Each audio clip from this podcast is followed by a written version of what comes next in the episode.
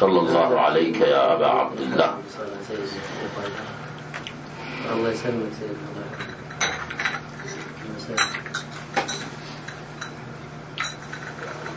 لقد أعذرت في الدعاء وبذلت مهجتك في الله لتستنقذ عباده من الضلالة والجهالة والشك والارتياب إلى باب الهدى. عنوان البحث النهضة الحسينية في ضوء سبعين سنة من خلفياتها وإحدى وسبعين سنة من انطلاقتها. بحث وتحليل. هناك أربعة أسئلة تفرض نفسها على الباحث. السؤال الأول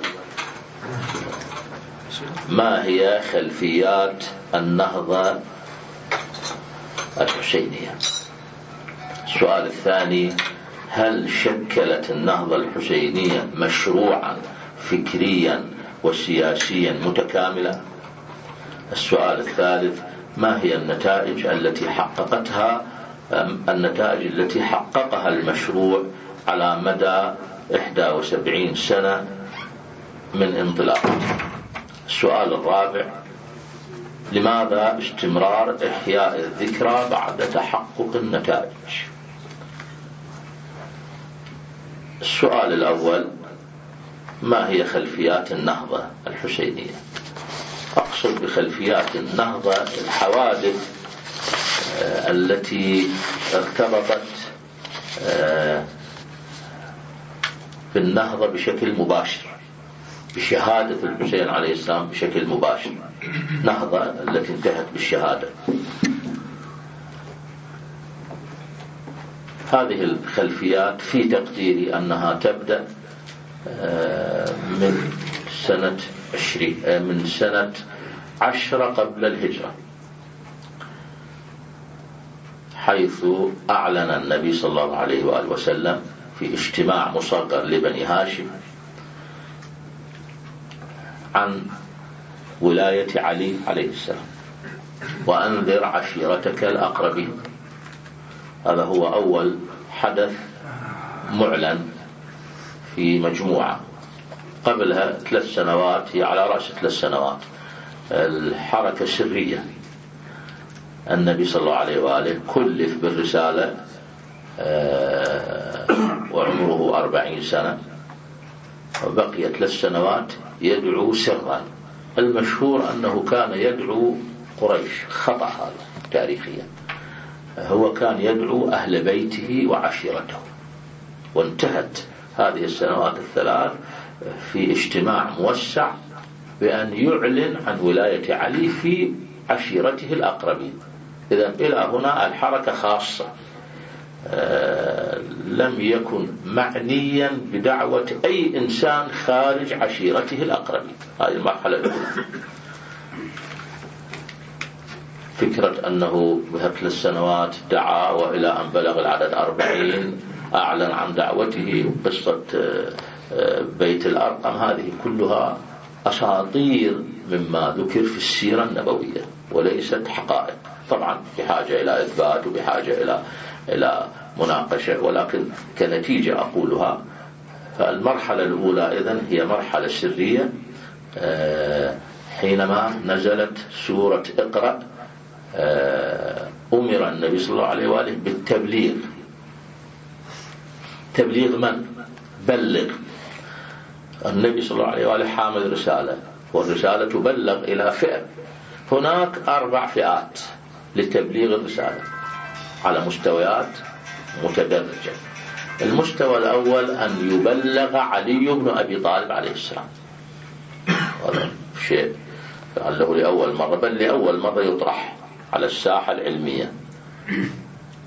المستوى الثاني آه، بنو هاشم.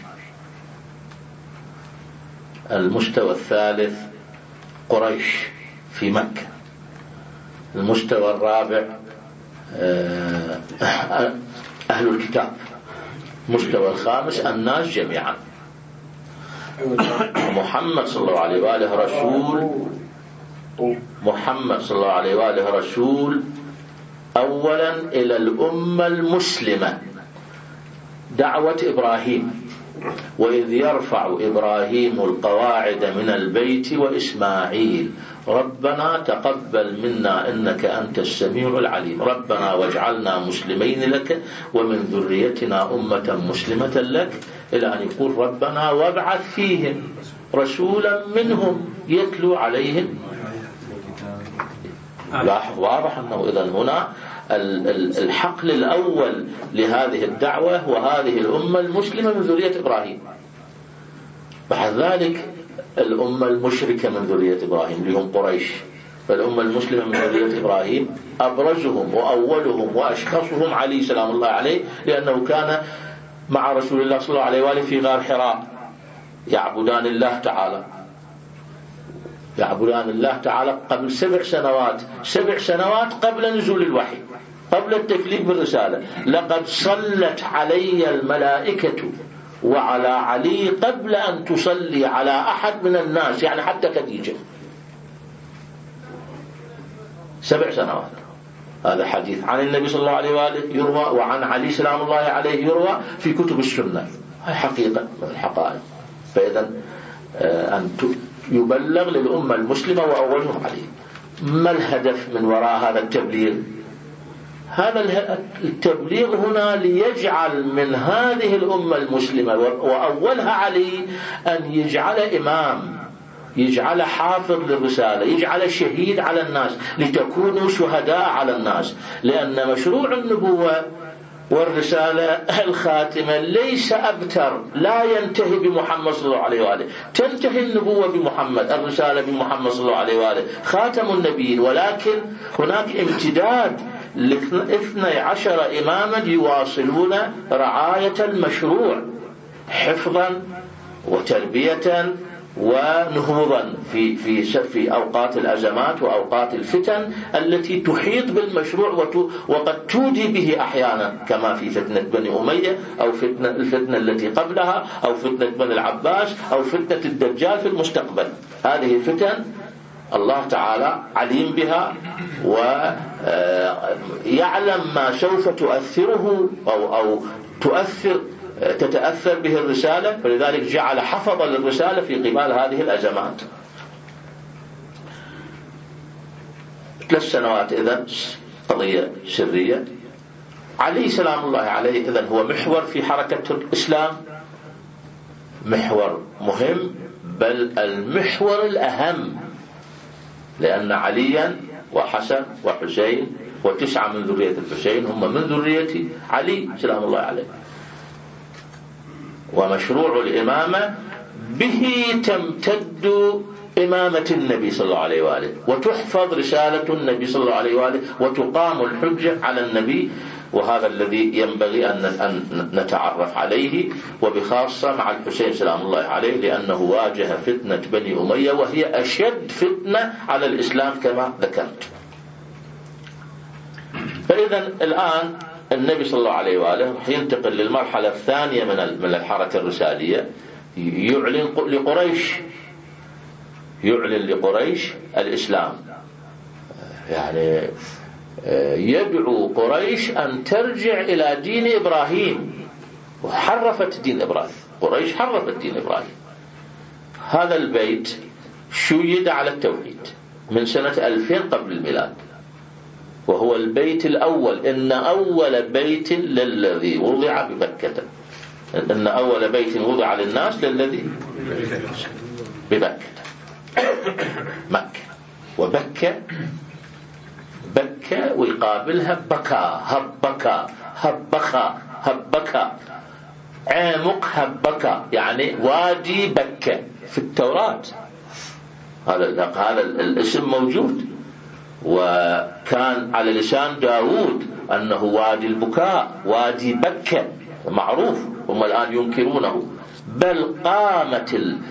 قام التراث الإسرائيلي والمسيحي برمته على إنكار مكة أنها بيت إبراهيم وجعل وادي مكة في فلسطين هذه معركة قائمة هذه صار هذه المعركة آه، تقريبا صار لها آه، على الأقل يعني إلى 2500 سنة. معركة. وإلى اليوم كل أطالس ال ال آه، الكتاب المقدس تذكر وادي بكة في فلسطين. تمام؟ ولا تذكر مكة ولا تعترف بمكة. المعركة هذه. إذا هذا البيت أسسه إبراهيم. وإبراهيم وريث نوح في عمود الحركة النبوية. نوح بعد إبراهيم. إبراهيم شيخ الأنبياء أبو الأنبياء. شيخ الأنبياء نوح أبو, أبو الأنبياء إبراهيم. بعد إبراهيم حركة الحركة النبوية أخذت طريقين. أو آه، سارت بفرعين من ذرية إبراهيم إسحاق وإسماعيل إسحاق ابن يعقوب الذي لقبه إسرائيل فخط بني إسرائيل النبوات الإسرائيلية ومنها نبوة موسى وآخرها نبوة عيسى موسى وهارون. هذا الخط عمر 1450 سنة ما بين بعثة موسى وما بين بعثة عيسى 1400 سنة تقريبا. هذا نموذج مصغر في المسار وفي المضمون وفي الحوادث للجذع الأصلي لحركة إبراهيم المتمثلة بإسماعيل.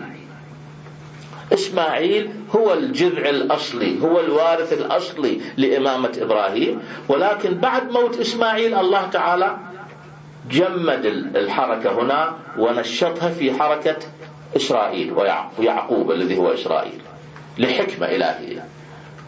إلى أن انتهى عيسى. عيسى كان مهمته أن يقول لبني إسرائيل انتهت إمامة بني إسرائيل وارتقبوا صاحبها الأصلي. ومبشرا برسول يأتي من بعد اسمه أحمد. مهمته أن يذكرهم يقول لهم ترى الآن أحمد سوف يأتي. ووظيفته هذه. الذي يمثل حركة أحمد صلى الله عليه وآله وأهل بيته تمثل انبعاث حركة إبراهيم من جديد. ثقل النبوة إذن. ثقل النبوة الإبراهيمية بل ثقل النبوات كما قلنا. إبراهيم وريث نوح. وإبراهيم عبر خط النبوات إسرائيلية كمقدمة.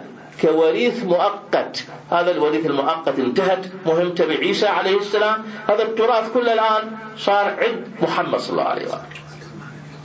طبعا قبل محمد صلى الله عليه وآله أكو آباء آه، عبد المطلب. أبو طالب عبد المطلب عبد مناف آه، هاشم عبد مناف قصي هذول بارزين.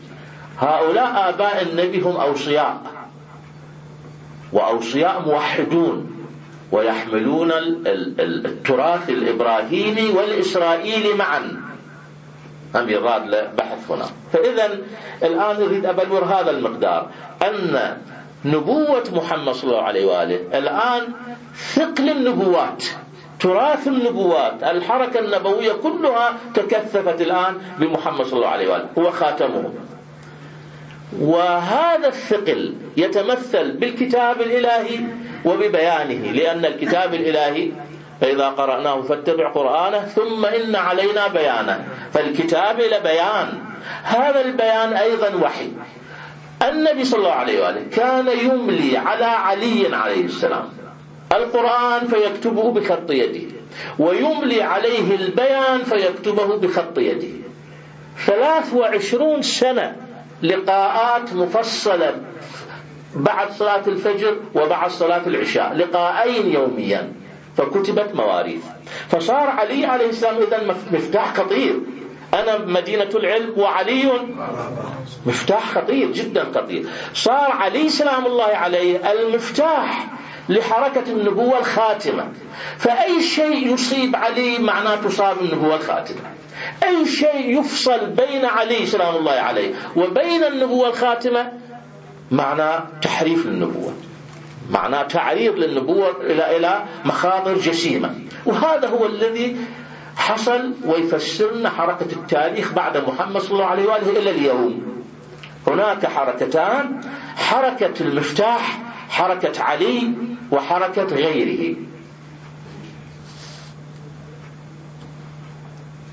المحور هو ولاية أهل البيت. قد واحد يقول المحور محمد طبعا المحور محمد صلى الله عليه وآله. محمد صلى الله عليه وآله أفرج كتاب كتاب الله وبيان هذا الكتاب. دين كامل هذا الدين. طبعا هذا الدين الكامل هو لابد يراد له أرشيف يراد له وعاء يراد له حافظ يراد له يراد له آه، فاهم فهم حقيقي بحيث يستطيع أن ينميه ويفرعه نظريا بحاجة إلى أن راح تتعرض إلى امتحانات عملية إلى ابتلاءات نظرية. لابد هذا الوريث أن يكون قادر على إثراء أو إبراز الثراء الذي تمتلكه النظرية وهذا الذي نجده. علي عليه السلام لا نقف أمامه كناقل. قال رسول الله صلى الله عليه وآله يقف لا يعطيك تفاصيل يعطيك تفريعات لفكر للقرآن الكريم وللسنة تحس أنها هذا هو الوريث الطبيعي هو التلميذ الأمين الذي آه، استلم الأمانة بدقة متناهية ثم فرعها. تجد أمامك في نهج البلاغة مثلا في أغلب الخطب باعتبارها بعضها مدسوس ولكن أغلب الخطب تعكس خطه وفيما أثر عنه من سيرة وتطبيق.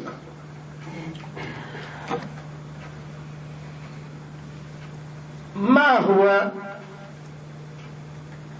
الموقع لهذه النبوة؟ ظهرت نبوة محمد صلى الله عليه وآله في أجواء تحريف دين إبراهيم.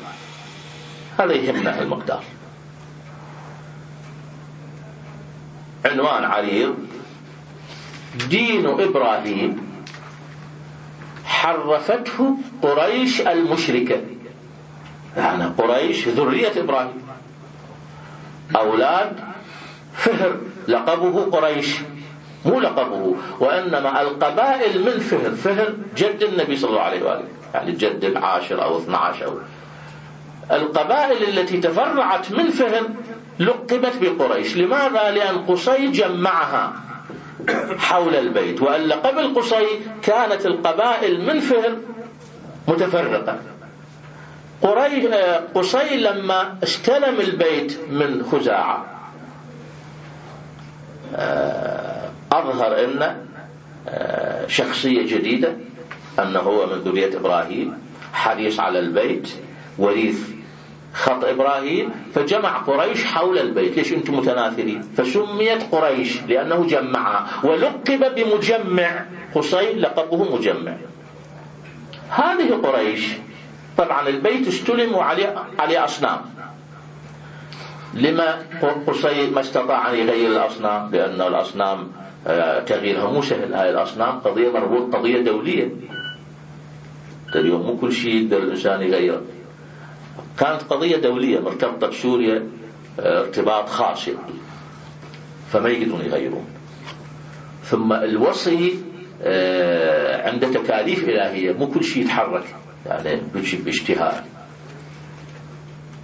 المهم بقيت الأصنام ولكن أكو هناك تشريعات لإبراهيم محفوظة وأبرزها الحج والحنيفية. وصلت النوبة إلى زمن آه، عبد المطلب. الله تعالى أبرز آية لهذا البيت على ما فيه من أصنام. أبرز آية. وهو أنه لما قصدته جيوش جيوش أبرهة لتهدمه الله انبرى لها. الله انبرى لها وليس عبد المطلب. عبد المطلب ولا قريش لكن عبد المطلب أصر أن يقاتل ويدافع عن البيت ويقتل شهيد لكن قريش ما قبلت. فهنا امتياز لقريش لعبد المطلب على قريش. أنه عبد المطلب إذن هو آه، سلالة إبراهيم وخلاصة إبراهيم. أعظمت العرب قريشا لم بعد حادث الفيل أن هؤلاء إذن آه، قبيلة مقدسة عند الله تعالى بدليل أن الله يدافع عنها. ولكن الدفاع الحقيقي كان عن عبد المطلب وأن قريش قبيلة آه، فاجرة فاسقة أغلبها واعتداءات كثيرة. وبعد حال بعد موت عبد المطلب ادعت أن هذا المجد لها وأنها هي التي تقوم بوظيفة تعليم الناس الحج وتشرع. فبرزت إمامة قريش الدينية إمامة قريش الإبراهيمية الدينية وابتدعت ما يسمى بالحمص. العرب دانت لها. الآن عندنا إذا الإمامة إبراهيمية زائفة الإمامة الإبراهيمية عبر عبد المطلب بعد عبد المطلب أبو طالب. صارت لقريش وهي تعطي للناس الحج. طبعا هذا فصلناه في كتابنا السيرة النبوية الآن الله تعالى يصطفي نبيه محمد صلى الله عليه وآله ليطهر بيته من الأصنام وليدعو قريش إلى دين إبراهيم. ويؤسس إمامة جديدة هي إمامة آل إبراهيم. اللي هي إمامة آل محمد صلى الله عليه وآله. أن الدين يؤخذ من محمد صلى الله عليه وآله أن الدين إبراهيم شوفوا محمد صلى الله عليه وآله. وأن وأن ثم أوحينا إليك أن اتبع ملة إبراهيم. محمد صلى الله عليه وآله إذن على دين إبراهيم. دين إبراهيم ما نسخ وإنما حرف فالله تعالى بعث محمد صلى الله عليه وآله على دين إبراهيم ليبعث يعيده غضا طريا للمجتمع ويشخص من هي الإمامة الإبراهيمية التي تقع على امتداد إمامة إبراهيم. وإذ ابتلى إبراهيم ربه بكلمات فأتمهن قال إني جاعلك للناس إماما. قال ومن ذريتي؟ قال لا ينال عهدي. هنا هنا إذا أكو وريث للإمامة الإبراهيمية هو محمد صلى الله عليه وآله أفرجته النبوة الأدلة الرسالية القرآن والمعجزات التي جرت عليه تشخص. محمد صلى الله عليه وآله عند وإياه أمة مسلمة أولهم علي أبرز علي سلام الله عليه وأعده الله تعالى. خلال عشرين سنة من سنة عشرة قبل الهجرة بدأ بعرض إمامة علي عليه السلام باعتبارها المفتاح بني الإسلام على الصوم والصلاة الصلاة والصوم والحج والزكاة والولاية ولاية علي. وهي رأس الأمر وسنامه وهي أفضلهن لأنها الدليل عليهن. أنت ما تقدر تعرف الأحكام معرفة حقيقية إلا أن ترتبط بالولي. إلا أن ترتبط بعلي فصارت هي أفضلهن. إذا قبلت الولاية أو إذا كانت ولاية قبلت الأعمال. لأنها مفتاحهن والدليل عليها الرواية عن الإمام سلام الله عليه. طيب. عشرين سنة النبي صلى الله عليه وآله يبلغ يتحرك يثقف يربي في إطار هذه الولاية. انطلق رساليا في المجتمع بولاية علي عليه السلام وختم بولاية علي في الغدير أمام مئة ألف أو يزيدون. أبلغ للأمة ولاية علي عليه السلام. فصار الإسلام إذن إنما وليكم الله ورسوله والذين آمنوا عليه. من بعد علي حسن وحسين ولا. أسس المجتمع على هذه الولايات الثلاث. طبعا كإطار عام سواء آمن الجميع بعمق أو تلقوها بسطحية. مهم؟ هذا هو الدين. الدين ولذلك يا أيها الرسول بلغ ما أنزل إليك فإن, فإن لم تفعل وإن لم تفعل فما بلغت رسالته. والله يعصمك من الناس. صعد في غدير خم وقبل افتراق الناس وأعلن الله مولاي وأنا مولى المؤمنين فمن كنت مولاه فهذا علي مولاه هالطريق توضح هنا نزلت الآية اليوم اليوم أكملت لكم دينكم ورضيت وأتممت عليكم نعمتي ورضيت لكم الإسلام دينا. فالإسلام مبني على ولاية علي ولاية الله ورسوله وعلي. أذكر الإخوة برواية يرويها الهيثمي في في في مجمع الزوائد آه، عن بريدة بن الحصيب. يقول كنت أبغض عليا بغضا لم أبغضه أحدا من الصحابة وصحبت رجلا لبغضه عليا. راحوا إلى اليمن ثم كأن النبي صلى الله عليه وآله بعث بعثين إلى اليمن. بعث خالد وبعث علي عليه السلام. قال لهم إذا اجتمعت فعلي على الناس. إذا افترقتم كل على على أصحابي. هناك علي عليه السلام استلم الأخماس وكان في الخمس جارية. صارت عند علي وإذا الصبح علي عليه السلام شعره يقطر ما ما هذا يا علي؟ الرواية هكذا. قال جارية دخلت في الخمس ثم قسمتها دخلت في سهم علي وبنيت بها. وهؤلاء آه، وجدوها فرصة مناسبة للإيقاع في علي. قال من يكتب؟ من يوصل؟ وكتبوا كتاب كله وقيعة في علي عليه السلام. قال بريدة أنا أوصله. يقول جئت للنبي صلى الله عليه وآله. أول ما يلاقي الناس ما الخبر؟ فتح الله علينا وأخذ علي جارية من الخمس علي شوف يعني في قبال الفتح تمام. واجتمعوا في المسجد النبي صلى الله عليه وآله خرج يقول أنا كنت رجلا مكبابا. أخذت أقرأ كل وقيعة في علي ووجه النبي يتغير. فواحد نخشني. يعني قال الآن أقرأ؟ ما أشوف. نخشني قال ويلك أنت تقرأ ووجه النبي يتغير. اسكت امسك. يقول التفت يا رسول الله أنا بريد. أنا يعني مكلف. أنا قال له يا بريدة أتبغض عليا؟ قال له إي والله أبغضه. يا رسول الله. قال له إنه وليكم. كأنه بريدة في هذه اللحظة انشرح صدره لأمر علي سلام الله عليه. واكتشف أن إسلامه كان ناقص. شوفوا التعبير. الشاهد هنا. قال يا رسول الله بالصحبة عليك امدد يدك تبايعني على الإسلام مجددا. هذه الرواية أقرأوها في مجمع الزوائد. طبعا أنا باعتقادي الإيمان لأنه فرق بين الإسلام والإيمان. الإسلام يبتني على الشهادتين أما الإيمان يبتني على الاعتقاد بعلي سلام الله عليه. المهم هذه الرواية موجودة أنه جزء يعني الموقف من علي ليس اشتهاء وإنما هو جزء من الإيمان. إذا بني المجتمع على هذه الولاية الذي حصل بعد النبي صلى الله عليه وآله أعرضوا عن هذه الولاية. أعرضوا عن علي. وبني المجتمع على ولاية أخرى هي ولاية قريش المسلمة. ما أنزل الله بها من سلطان. قريش المسلمة عندها مواقف من تشريعات مختلفة من الدين.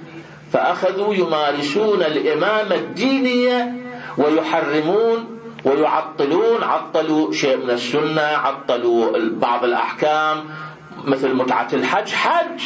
عطلوه عطلوا متعة الحج. فإذا برزت هذا الشاهد هنا بعد رسول الله صلى الله عليه وآله برزت إمامة أخرى. إمامة قرشية تصدت لعرض الدين عندها اجتهادات. إمامة دينية تنتسب إلى قريش امتدت حاولت أن تمتد بقريش القديمة لكن باسم الإسلام. 24 سنة 25 سنة. وفتحت البلاد شرقا وغربا على هذه الإمامة. وعلى أحكام وثقافة خليط لأن المجال لكعب الأحبار أن يروج يروج أساطيره الإسرائيلية ويفسر القرآن الكريم. صار خليط. الآن صار خليط في خلط في الدين. تحريف للدين. كتمان كتمت كل فضائل علي بن أبي طالب عليه السلام. تماما. ومنع من تفسير القرآن الكريم. صار وضع جديد. هذا الوضع الجديد. تماما. هنا الرسالة. يعني المجتمع الجديد. مجتمع البلاد المفتوحة شرقا وغربا. بني على ولاية أخرى وعلى ثقافة خليطة. الوقت لا يسع أن أفصل في ذلك.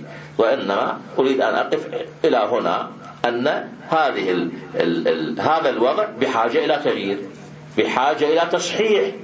فسيأتي دور علي بن أبي طالب عليه السلام. القضية إلى الحسين ستكون بهذا المحور تماما.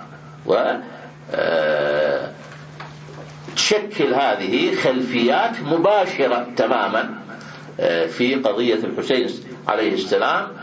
بوضع النقاط على الحروف في الحركة.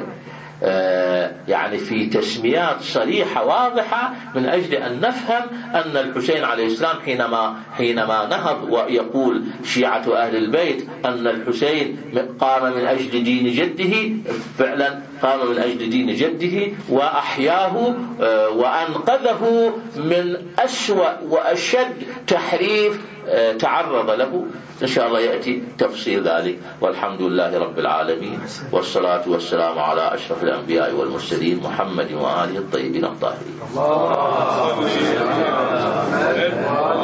محمد